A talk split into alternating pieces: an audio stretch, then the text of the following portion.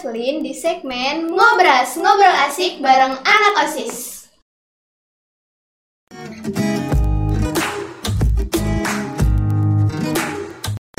Jadi di segmen kali ini kita kedatangan tamu yang spesial banget nih. Yaps, bener banget. Jadi tamu kita kali ini adalah dari lulusan SMP Terput tahun 2012. Perkenalkan, ini dia Kak Cenia.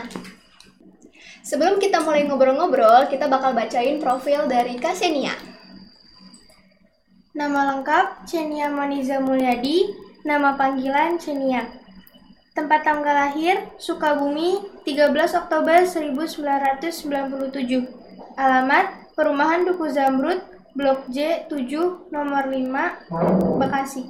Asal sekolah TK Al Mabrur Sukabumi, SD Negeri Mustika Jaya 2, SMP Islam Teratai Putih Global Bekasi, SMA Islam Teratai Putih Global, Strata 1 Administrasi Bisnis Trisakti School of Management, Exchange Student Burapa University International College.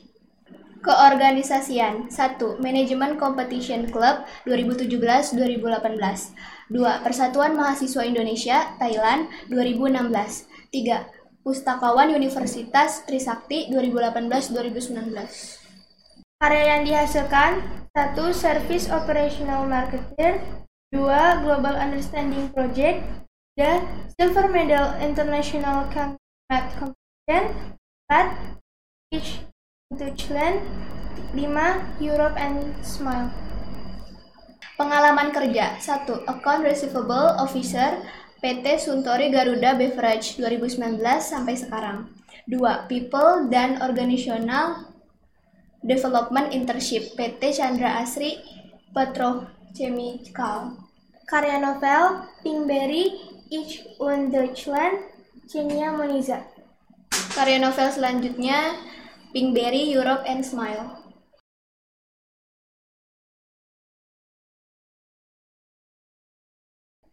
Gimana kabarnya Kak Cenia? Alhamdulillah baik. Uh, oh ya kak, kalau boleh tahu uh, sekarang Cenia ini masih lanjut kuliah atau udah lulus nih kak? Aku baru aja lulus tahun 2019, tapi rencananya insya Allah tahun depan mau lanjut kuliah lagi. Oh, di mana tuh kak kalau boleh tahu? Hmm, belum tahu sih saat ini, tapi masih rencana, masih bikin beberapa plan sama bikin beberapa strategi biar kuliahnya di mana gitu masih merencanakan masih okay. planning. Akhir-akhir ini kesibukannya apa selama pandemi? Uh, aku kerja, oh, mostly sih aku habisin waktu aku sama kerja karena selama pandemi ini kayak harus lebih pintar mengatur waktu iya, ya. Benar. Nah, jadi kayak kadang pekerjaan rumah atau hobi juga sama pas sama pandemi sama kerjaan di kantor tuh hmm. gabung jadi satu. Jadi mostly lebih ke kerja, tapi kalau misalnya weekend gitu paling melakukan sesuatu yang bermanfaat saya kayak baca buku atau hmm. masak, coba eksperimen resep yang baru gitu. Uh, oh ya kak, kalau dengar dari guru-guru di Terput nih katanya Kak Celia itu dulu pas SMP nerbitin novel ya? Ya betul. Kalau boleh tahu judulnya apa aja tuh kak? Yang pertama itu novel yang waktu aku tulis kelas 8 judulnya tuh Each Understand itu yang pertama yang kali yang kedua itu aku tulis waktu kelas 9 judulnya Europe and Smile. Hmm, hebat banget ya. Banget tuh. Itu bukunya bahasa Jerman ya kak? Uh, judulnya sih bahasa Jerman tapi isinya pasti bahasa Indonesia. Terus kenapa kakak milih judul itu? Uh, Sebenarnya aku tuh kurang pinter milih judul sih ya. Aku milih judul itu karena aku pengen beda dari yang lain deh kan biasanya orang judul pakai bahasa Inggris mungkin atau nggak bahasa Indonesia mungkin tapi kalau aku pakai bahasa Indonesia kayak kurang ada originalnya jadi karena mungkin cerita tentang temen yang dari Jerman ya udah berarti lebih baik pakai bahasa Jerman sekalian hmm. oh ya kak uh, kalau misalkan kan buku kakak ada yang judulnya Ich on Deutschland ya iya, itu betul. ada artinya nggak kak artinya sebenarnya simple artinya aku dan Jerman hmm. cuma itu aja cuman mungkin bahasa Jerman lebih panjang lebih iya kompleks hmm. lanjut ya dari semua novel yang pernah kakak tulis hmm. apa novel yang paling kakak suka dari kedua itu hmm. jujur aku lebih suka yang kedua sih yang European Smile kalau boleh tahu kenapa tuh kak yang pertama aku tuh terinspirasi sama teman-teman aku yang dari Jerman jadi waktu aku masih kelas 8 uh, aku tuh banyak teman Facebook dari sosial media, teman-teman dari luar negeri. Dari situ aku tuh belajar bahasa Jerman. Nah, dari kelas 8 tuh aku mulai suka belajar bahasa asing kayak bahasa Jerman, bahasa Prancis. Aku belajar otodidak kan. Jadi aku kalau setiap ke Gramedia tuh belinya buku bahasa terus. Sampai orang tuh bingung ini buat apa gitu. Aku cuma buat belajar di uh, jam-jam uh, kosong, waktu luang gitu. Nah, aku belajar situ aku coba ngobrol conversation sama temen aku yang dari Jerman gitu kehidupan di Jerman tuh kayak gimana sekolahnya itu kayak gimana. Nah dari situ aku tuh dapat inspirasi oh kebayang kalau sekolah di Jerman itu um, especially buat SMA-nya itu oh kayak gini kayak gini. Jadi gimana jadinya kalau misalnya aku tuh bikin cerita tentang uh, pelajar Indonesia yang literally langsung ke Jermannya. Hmm. bayangannya itu kayak gimana gitu oh. Ya, dan itu jadi novel favorit aku juga karena aku lebih masukin banyak riset juga sih ya. Hmm. Jadi aku lebih banyak baca buku ini tentang Jerman tuh benar kayak gini sekolahnya, sistem sekolahnya tuh kayak Berarti gini. hampir seluruhnya kayak kisah nyata gitu ya kak? Maksudnya kayak uh, ya berdasarkan fakta gitu. Oh iya berdasarkan fakta biar hmm. kayak nggak asal walaupun aku bikin novel juga nggak asal faktanya gitu. Hmm, Oke. Okay. Kakak tertarik gak sih S2 di Jerman? Uh, tertarik cuman mungkin bahasanya bahasanya Ada. ya tertarik tapi untuk saat ini aku masih planning lah masih masuk dalam list planning aku gitu ntar hmm. kalau untuk ke depannya gimana nanti oh oke okay. uh, eh, boleh dong kak spoiler dikit takutnya kan ada yang belum tahu nih bukunya kak Cenia uh, dan dua buku itu tentang apa sih kak ceritanya kalau yang pertama itu ceritanya tentang uh, pelajar ya SMP atau SMA ya. Pokoknya tentang pelajar yang uh, dia tuh lebih gak suka gak suka sama sesuatu yang berbau asing gitu. Even bahasa Inggris aja mungkin kayak masih aneh gitu ngeliat orang uh, lebih dia agak takut sama orang-orang luar negeri gitu jadi nggak suka temenan nah ada murid baru dari Jerman namanya Alfonso jadi dia datang ke Jerman datang ke Indonesia itu uh, jadi teman deket lama-lama mereka jadi teman deket sampai akhirnya tuh udah jadi sahabat banget deh udah klop banget tuh nah terus kalau yang kedua itu awalnya uh, yang kedua itu yang European Smile jadi ceritanya uh, pelajar di bukan pelajar Indonesia jadi so, so, anak perempuan dia ada masalah di keluarganya gitu. Keluarganya nyuruh lebih baik kamu tinggal di Jerman dulu mau mau ngurusin masalah keluarga ini dulu gitu. Jadi lebih daripada kamu tahu masalah keluarga. Kamu ke Jerman aja dulu tinggal sama bibinya yang di Jerman. Nah dari situ uh, awalnya dia nggak tahu di Jerman tuh kayak gimana gitu. Nah sampai akhirnya dia tuh di Jerman dia kira ya apaan di Jerman gitu nggak tahu bakal kayak gimana bakal beda sama waktu aku Indonesia aku nggak aku bakal bisa nih eh ternyata di Jerman itu dia lebih be, lebih menemukan hidup yang baik gitu dia punya banyak sahabat ke mana-mana bareng gitu Nah, kakak kan nulis buku itu waktu masih seumuran kita, masih SMP hmm. gitu kan. Nah, itu dapat inspirasi dari mana sih, Kak? Uh, sebenarnya sih aku nulis novel, aku tuh dari SD sih ya. dari kelas 5 SD aku udah mulai nulis cerita-cerita gitu. Jadi kadang kertas AVS aku potong aku gabungin di satu. Aku tulis yang ada di imajinasi aku aja. Mungkin karena aku dulu juga suka baca komik sama novel kali ya. Nah dari situ aku udah mulai nulis nulis nulis tapi kayak buat aku sendiri no apa yang aku tulis tuh buat ya aku baca ulang lagi. Karena ya udah ini aku, aku bikin.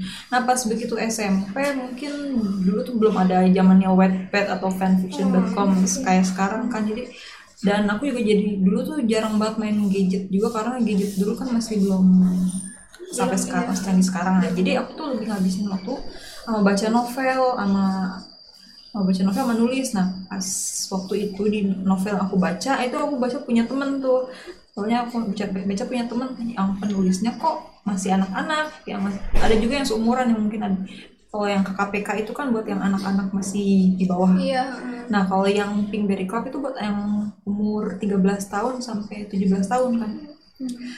Kok tertarik gitu. Terus pas baca kok bisa ya nerbitin ini pas baca sampai halaman akhir itu ada ketentuan syarat jadi penulis nah pas dari itu kenapa aku nggak coba aja gitu nah dari situ tuh aku mulai wah bisa juga nih tapi aku harus mulai dari mana terus aku inget lagi aku kan suka belajar bahasa asing nih sekarang nih. Terus aku juga uh, suka chattingan sama teman-teman aku yang di luar negeri nih. Gimana jadinya kalau misalnya aku pakai inspirasi yang aku pakai dari pengalaman aku ngobrol sama orang luar negeri dan aku ngembangin itu bagaimana uh, jadinya kalau uh, berteman sama orang luar negeri itu kayak gimana?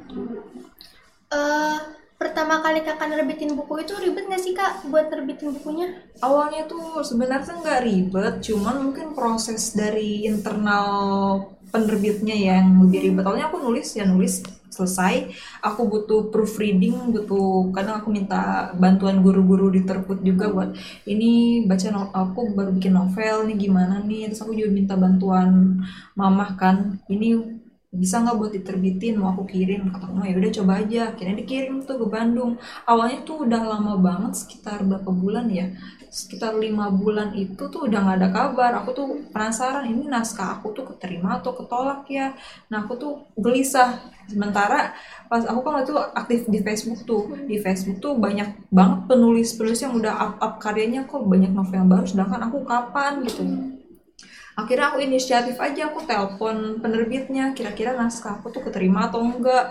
Ternyata waktu itu aku emang salahnya tuh ganti nomor ya. Aku salahnya ganti nomor. Nah udah kayak gitu ternyata aku tuh udah dihubungin naskah aku tuh keterima tuh. Nah akhirnya karena udah ketumpuk akhirnya aku disuruh kirim lagi yang sama naskahnya. Jadi supaya biar diproses. Nah akhirnya lumayan lamanya di situ tuh aku tanya gue hampir setiap bulan atau setiap minggu aku tanya prosesnya udah sampai mana? Udah sampai editing nih udah sampai ilustrasi cover nih gitu. Oh ya, kakak pernah itu ya student exchange ya? Student exchange ya waktu kuliah. Ke negara mana itu? ke Thailand. Oh, keren banget.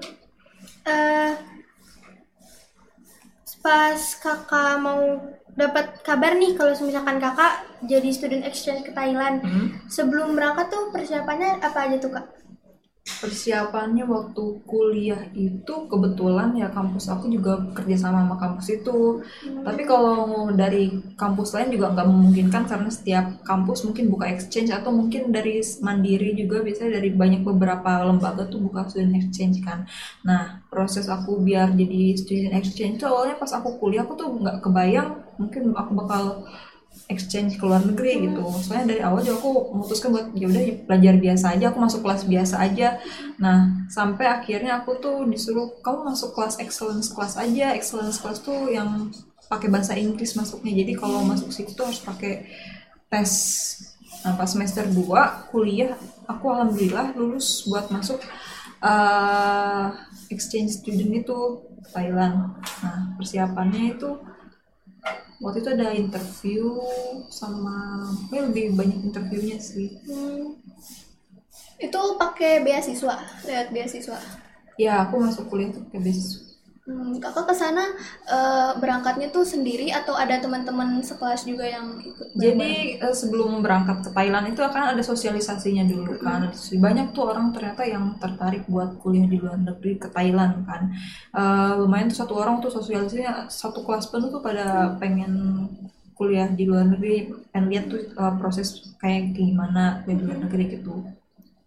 Nah, ternyata dari sekian banyaknya itu aku cuma berempat sih yang berangkat dari kampus aku. Dan aku paling muda sendiri. Waktu itu biasanya orang kalau berangkat ke exchange itu semester 4 atau ke atas kan. Aku itu pas masih baru masuk eh, kelas international excellence class semester tiganya langsung berangkat. Jadi masih eh, kayak maba terus langsung ke sana. Iya, Wih, keren banget berarti. Eh, terus apa namanya? Pas kakak nyampe di Thailand, perasaan kakak tuh gimana first impressionnya? first impressionnya agak kaget juga ya. Sana juga lebih panas daripada Indonesia mungkin ya. Panas. lebih panas. Terus eh, bahasa yang di ini di mana? Bahasanya kok kayak beda lah beda sama ini apa gitu. Orang-orang pada ngomong apa gitu. Terus berapa lama sih kak kakak tinggal di Thailand? Aku itu sekitar satu semester sekitar enam bulan. Hmm, ceritain dong gimana pengalamannya selama enam bulan di Thailand? Eh, enam bulan dari awal masuk dulu kali ya dari Yes. awal aku kuliah aku tuh masih aku agak takut juga kan sebenarnya aku ke sana pakai hijab juga. Aku takutnya kan sana tuh minoritas kan. Nah terus nyari makanannya tuh awal-awal tuh emang susah banget. Aku nyampe bandara tuh lapar tapi aku nggak tahu aku harus makan apa gitu. Akhirnya aku beli roti aja. Nah uh, aku agak takut gitu takutnya dijudge atau gimana karena minoritas pakai kerudung. Mungkin orang-orang nanya kenapa aku pakai? Emang banyak sih yang nanya kenapa aku pakai ini? Tapi fine fine aja mau pakai baju apa pun bebas di sana gitu. Nah awalnya agak kaget juga sih. Uh, bahasanya juga kalau mau beli makanan juga orang ternyata nggak begitu bisa banyak yang bisa bahasa Inggris. Jadi harus mau nggak mau belajar perlahan pakai bahasa Thailand kan. Nah untungnya waktu aku Thailand tuh aku nyampe ke Thailand masih beberapa sama teman-teman aku nyampe di Thailand tuh aku tuh uh, disambut banget sama kampusnya. Jadi kampusnya itu udah kayak buat mahasiswa Indonesia tuh kayak jadi privilege gitu sampai ada ruangan khusus buat Indonesia Indonesian room gitu. Jadi ada beberapa dosen yang jaga ruangan itu jadi kayak buat menjaga persahabatan antara Indonesia sama Thailand gitu terus jadi waktu nyampe aku di sana sampai aku langsung di sana tuh aku langsung dikenalin sama namanya Badi. Badi itu kayak uh, jadi tour guide gitu selama satu minggu gini. Jadi kita punya temen bisa mau kamu mau ke mana gitu. Hmm. nanti kita temenin gitu uh, dianterin gitu. Jadi mau beli seragam di sini tempatnya kalau mau beli makanan di sini gitu. Nah gitu. Sama jadi sahabat aku sih lama kelamaan oh, pribadi itu kalau menurut kacanya pribadi apa sih perbedaan antara tinggal di Indonesia sama di Thailand? Mungkin dari lingkungan sosial atau orang atau makanannya? Oh, kalau pas begitu aku nyampe Thailand terus aku agak khawatir gitu kan. Aku pakai hijab terus agama aku Islam. Sih aku cari makan gimana sebelumnya waktu, waktu aku sebelum ke Thailand juga aku survei dulu. Ada nggak sih yang jual makanan halal atau gimana cara aku survive kan? Nah untungnya temen aku juga nunjukin tempat makanan halal tuh ada di mana gitu waktu itu aku diajak ke restoran halal yang jual pakai jilbab. Ya aku kaget oh ada juga orang Islam banyak ternyata. Uh, yang Islam juga di uh, di kampus di kampus fakultas aku nggak ada. Tapi di beberapa fakultas lain tuh ada pas aku ada beberapa makan halal cuman mungkin nggak banyak. Di kota itu cuma ada tiga gitu. Terus di Thailand mungkin lebih panas ya tapi kadang juga suhunya berubah-berubah. Kadang panas kadang dingin. Terus uh, rajin juga. Tuh orang-orang kebanyakan detail-detail sih. Jadi kalau ada acara gitu tuh mereka tuh pasti harus persiapan banget gitu. Jadi sampai sedetil-detilnya tuh. Dan rajin juga mereka ambisius juga belajar bisa sampai jam 4 subuh. Oh, subuh subhanallah banget sih masih tidur. Iya. Berarti kakak itu dong bisa bahasa Thailand dong dikit dikit bisa sedikit. Coba kak uh, perkenalan pakai bahasa Thailand ngomong bahasa Thailand nih. Iya, yeah, boleh boleh. Coba ya. Al sawatiha dukun eh, chance chenya Moniza Mulyadi naha chance len chenya eh, chan macak Indonesia chan mihai pi rongrian di mahawitaya nanaca bulapak subhanallah. Artinya apa tuh kak? Jadi itu perkenalan. Uh, nama aku Cenia panggil. Nah Cenia Moniza Mulyadi. Nama panggilan Cenia. Uh, aku dari Indonesia. Uh, aku dulu pernah kuliah di uh, beberapa University International College. Hmm. Berarti kakak selama kuliah di sana pakai bahasa apa? Inggris sih. Jadi di sana tuh ada di universitasnya itu ada beberapa fakultas. Nah, kalau yang di International College yang ini tuh khusus yang pakai program bahasa Inggris. Jadi di sana murid mahasiswanya tuh bukan dari uh, Thailand doang, tapi banyak beberapa mahasiswa dari luar negeri. Soalnya kan di sana banyak banget imigrasi dari uh, orang luar bisa dari Prancis, dari Italia, dari China, dari Indonesia juga banyak sana. Terus pertama kali kakak bisa belajar bahasa Thailand tuh dari mana kak? Aku awalnya sebelum ke Thailand aku di Gram, aku beli buku, beli buku, aku baca-baca itu buat nanya-nanya, nanya harga, hmm. mau nanya ini makanannya apa gitu, walaupun artinya juga aku nggak tahu gitu. Tapi karena waktu aku begitu datang kuliah datang ke kampusnya aku disambut badinya kayak tour guide-nya itu aku belajar dikit-dikit dari sahabat aku itu. Nah di situ terus juga di aku bisa mungkin lama mungkin bisa karena di Thailand aku belajar bahasa Thailandnya juga di kelasnya gitu oh ya ada nggak sih kak perbedaan gaya belajar di Thailand sana sama di sini? Perbedaan gaya belajar ya mungkin hampir sama gitu ya. Tergantung dosennya atau gurunya juga yang ngajarinnya kayak gimana. Tapi mereka lebih nerapin ke fokus. Mereka udah kayak sama aja sih kayak punya silabusnya apa yang mau dipelajarin di sekolah gitu. Kadang ngasih tugasnya juga sama aja. Kadang juga sampai kalau dosen yang pengennya sampai ngajakin ke pabriknya langsung. Jadi waktu itu pelajaran uh, eh, SDM human resources tapi yang advance-nya sampai diajak ke pabrik uh, mama. Namanya mama. Indomie. Kalau kalau di Indonesia Indomie tapi kalau sana mama sampai buat ngeliat itu human resource-nya kayak gimana jadi karyawannya itu kayak gimana gitu itu niatnya. Terus waktu aku di Thailand sama di Indonesia dari uh, pelajarannya aku cerita tentang gimana aku sekolah di Indonesia. Mereka bilang berat. Mereka bilang lebih berat aku ambil 21 SKS aja itu tuh dibilang banyak banget. Sedangkan mereka biasanya normally ngambilnya tuh 18 sedangkan aku cuma oh 21 21 SKS cuma sedikit gitu. Cuma berapa matkul ya? Cuma 7 7 matkul. Sedangkan di Indonesia aku bisa ambil sampai 11 matkul oh, oh, masih dikit gitu. Di sana itu lebih menurut aku mudah mungkin ya. Mungkin karena orang Indonesia dapat akses buat belajar bahasa Inggris lebih gampang. Kalau orang Thailand tuh harus belajar dari awal literally dari awal dari A B C D nya gitu. Jadi kalau dikira orang Indonesia paling pintar di kampus itu dosen-dosen sampai bilang kayak gitu. Mahasiswa Indonesia pinter-pinter ya. Hmm, mereka tuh kayak masuk sini bukan orang-orang biasa aja gitu dosen juga kayak gitu. Nah terus di sana juga waktu aku kuliah sana itu full banget kuliahnya dari hari Senin tuh jam 9 aku masuknya jam 9 tapi satu uh, satu mata kuliah tuh tiga jam. Full tiga jam. Jadi kalau di Indonesia kan paling cuma dua jam atau dua seperempat jam kalau sana. Full tiga jam. Habis itu sampai jam 12 istirahat ada kelas lagi. Jadi tapi satu hari cuma tiga, dua mata kuliah. Terus ada bisa ada uh, ada kelas bahasanya juga sama malamnya juga. Kadang ada kelas konferensi uh, konferensi sama kampus yang ada di Amerika gitu. Jadi buat tanya culture juga pertukaran culture juga kan. Terus selama kakak di Thailand tinggal di dorm kah? Iya di dorm. Di dorm. International dorm. Jadi di sana itu ada uh, asrama. Asrama itu enak. Maksudnya fasilitas itu udah lengkap banget. Kalau ada gym tuh gratis. Asalkan tunjukin kartu mahasiswa atau gak KTP kan. Nah uh, ada dapurnya cuman yang gak enaknya itu banyak anjing sana ya, jadi anjing itu berkeliaran bebas di situ aku udah pernah komplain sama yang asrama katanya nggak bisa karena emang rumahnya udah di situ nah enaknya di asrama itu sebagai um, mahasiswa internasional kita tuh difasilitasin buat belajar bahasa dari berbagai negara gitu. Gitu.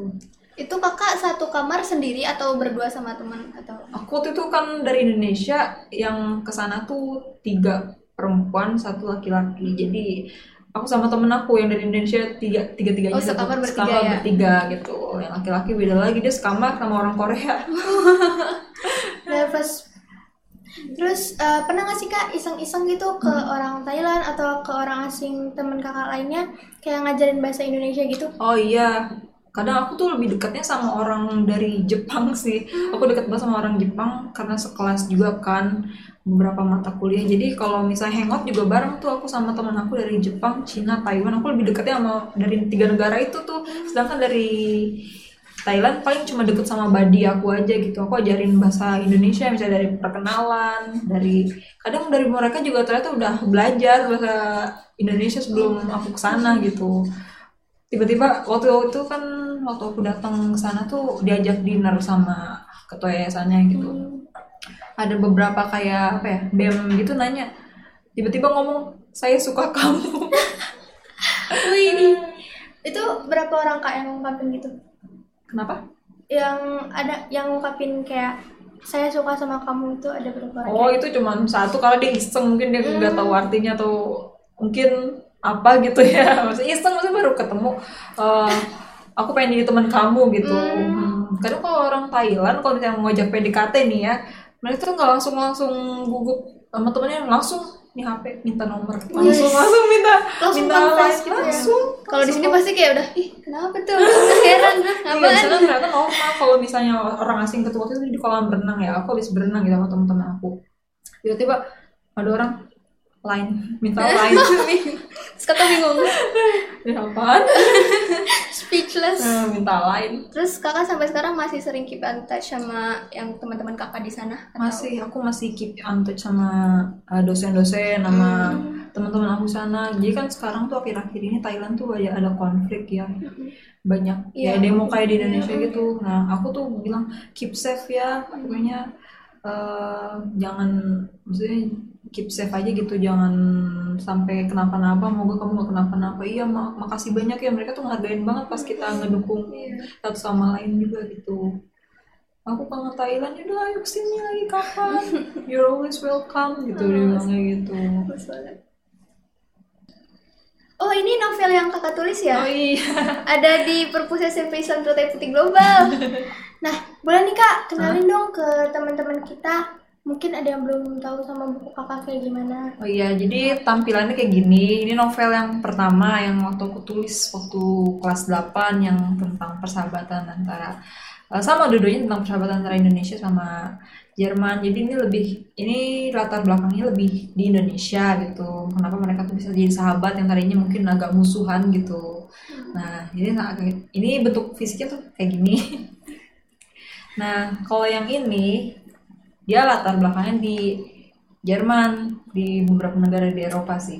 Jadi tentang persahabatan sama Indonesia sama masih eh, pelajar-pelajar di eh, luar negeri, tapi bagaimana mereka bangun chemistry satu sama lain, kenapa bisa ketemu satu sama lain, kenapa bisa dekat sampai sampai eh, akhir ending cerita ini. Gitu.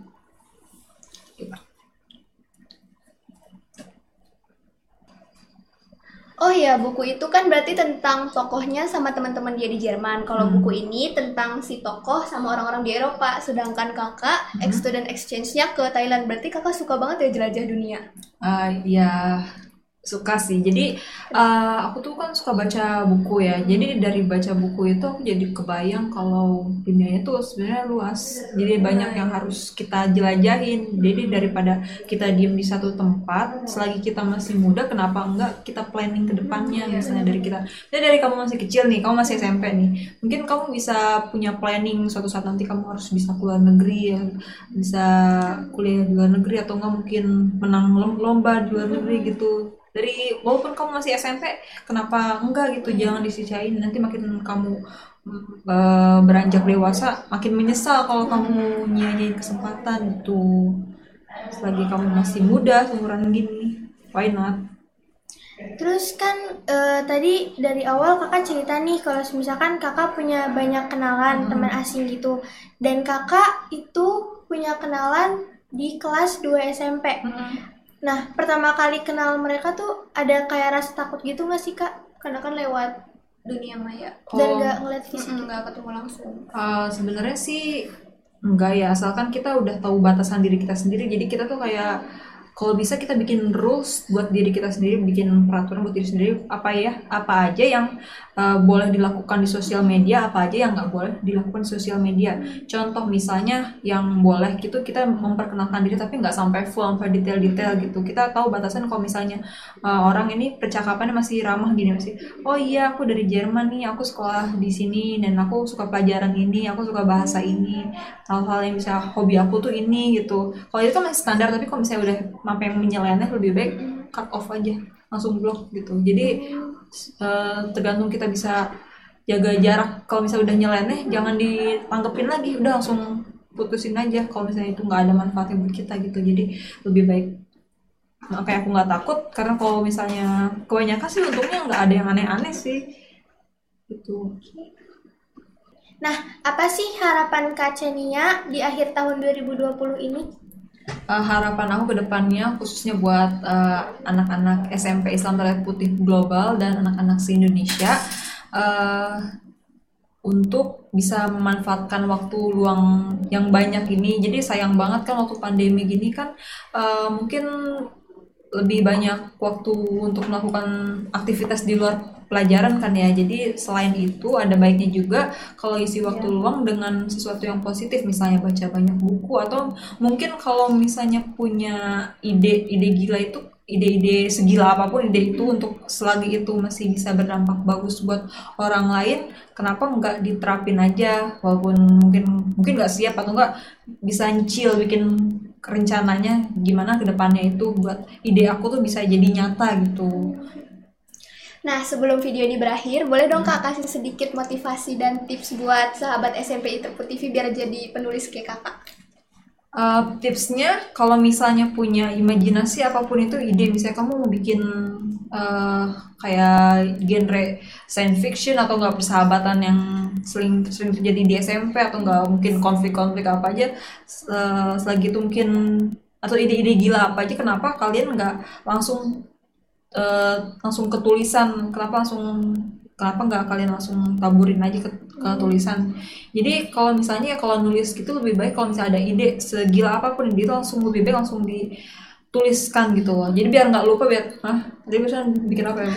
Kadang inspirasi itu datangnya dari mana aja. Mungkin bisa dari nggak uh, sengaja jatuh atau nggak uh, pas liburan. Ya kalau misalnya ada ide langsung aja tulisin. Jangan sampai ide itu hilang nguap gitu aja gitu. Jadi walaupun entah orang mau suka mau enggak gitu buat diri, seenggaknya buat nulis buat diri sendiri aja dulu. Kalau misalnya uh, kamu udah percaya diri sama karya tulisan kamu uh, minimal tanya ke teman ini bagus nggak cerita yang aku buat? gitu. Nah kalau udah teman udah bilang bagus teman paling dekat bilang bagus aku tanya ke guru ini udah bisa nggak ya bisa terbitin gitu. Nah langsung aja terbitin. Jangan ragu-ragu jangan takut ditolak. Yang penting berani mencoba ya iya berani coba. Nah ini buku aku. Just in case kalau misalnya kamu mau baca, boleh di e-commerce yang ada di daring ya. Jadi kalau misalnya mau beli di online shop juga banyak biasanya yang tersedia. Nah, jadi sampai sini dulu acara ngobrol santai kita kali ini. Semoga sharing-sharing dari Kak Cenia bisa bermanfaat buat kita semua. Thank you buat kalian yang udah nonton. Dan jangan lupa untuk klik like, comment, share, and subscribe. Thank you. Assalamualaikum warahmatullahi wabarakatuh. Bye.